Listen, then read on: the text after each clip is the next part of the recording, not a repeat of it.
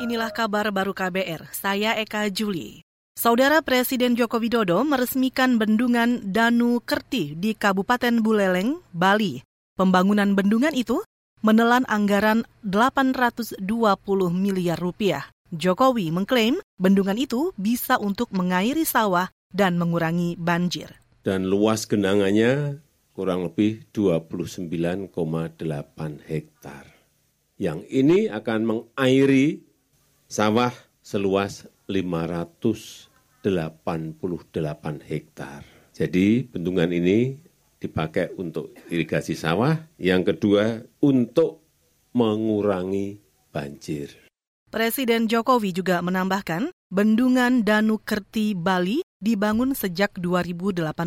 Kapasitas daya tampung bendungan ini mencapai 5 juta meter kubik. Sementara itu, Gubernur Bali, Iwayan Koster mengatakan, Bendungan itu mulanya bernama Bendungan Tamblang, namun dia meminta Presiden Joko Widodo agar meresmikan dengan nama baru, yaitu Bendungan Danu Kerti, sesuai kearifan lokal di Bali. Kita ke informasi hukum.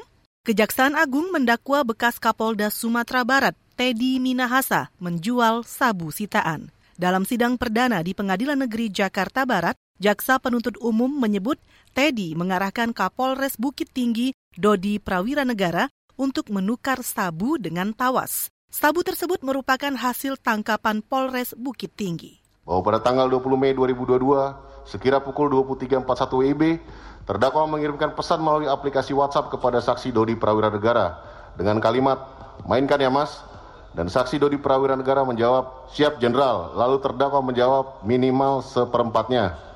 Dan saksi Dodi Prawira Negara kembali menjawab, siap 10 jenderal, itu tadi tim jaksa penuntut umum. Tim jaksa juga menyebut sebelum kejadian, Polres Bukit Tinggi membongkar peredaran narkotika dan menyita barang bukti sabu sebanyak 14 kg. Kemudian Dodi melaporkan hasil pengungkapan itu kepada Teddy Minahasa. Teddy didakwa melanggar undang-undang narkotika dengan ancaman maksimal hukuman mati atau minimal 20 tahun penjara. Kita ke lantai bursa. Indeks harga saham gabungan atau IHSG ditutup menguat 28 poin ke level 6.890. Penguatan indeks didukung kenaikan mayoritas sektor saham, mulai dari sektor teknologi, kesehatan, properti, dan juga sektor konsumer. Pelemahan hanya melanda saham sektor industri dan infrastruktur. Mengutip RTI Infocom, investor melakukan transaksi sebesar 10 triliun rupiah lebih. Lebih dari 290-an saham menguat, 230-an terkoreksi, dan 180-an lainnya stagnan. Sementara itu, mengacu data refinitif, rupiah naik 0,63 persen ke 14.875 per dolar Amerika Serikat pada penutupan perdagangan hari ini. Saudara demikian kabar baru, saya Eka Juli.